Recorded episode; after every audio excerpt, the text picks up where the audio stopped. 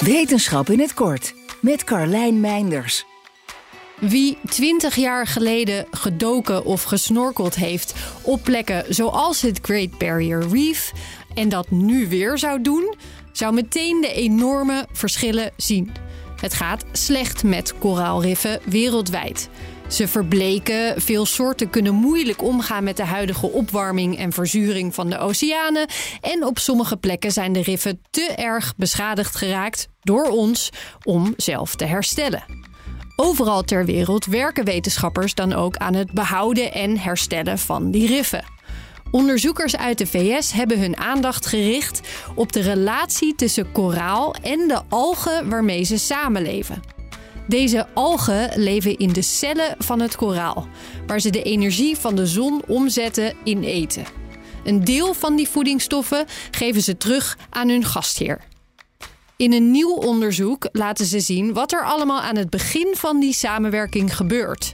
Het koraal laat bij de mond een eiwit los, genaamd lepin, dat bindt aan vriendelijke algen die voorbij komen. De algen worden dus als het ware gelabeld om vervolgens opgenomen te worden. Nu ze dit weten, hopen de onderzoekers het mechanisme te kunnen gebruiken om koraal in nood te helpen. Niet alle koraalsoorten zijn goed gebleken in het opnemen van algen die goed tegen hitte en verzuring kunnen.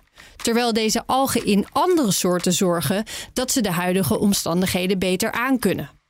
Mogelijk kunnen kwetsbare koraalsoorten zo worden aangepast dat deze algen wel goed herkend, gelabeld en opgenomen worden.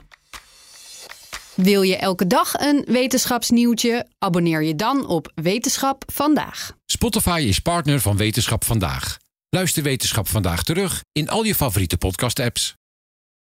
Ook Harm Edens vind je in de BNR-app. Je kunt BNR Duurzaam niet alleen live luisteren in de app, maar ook terugluisteren als podcast, zoals al onze podcasts. En naast dat de BNR-app Breaking News meldt, houden we je ook op de hoogte van het laatste zakelijke nieuws. Download nu de gratis BNR-app en blijf scherp.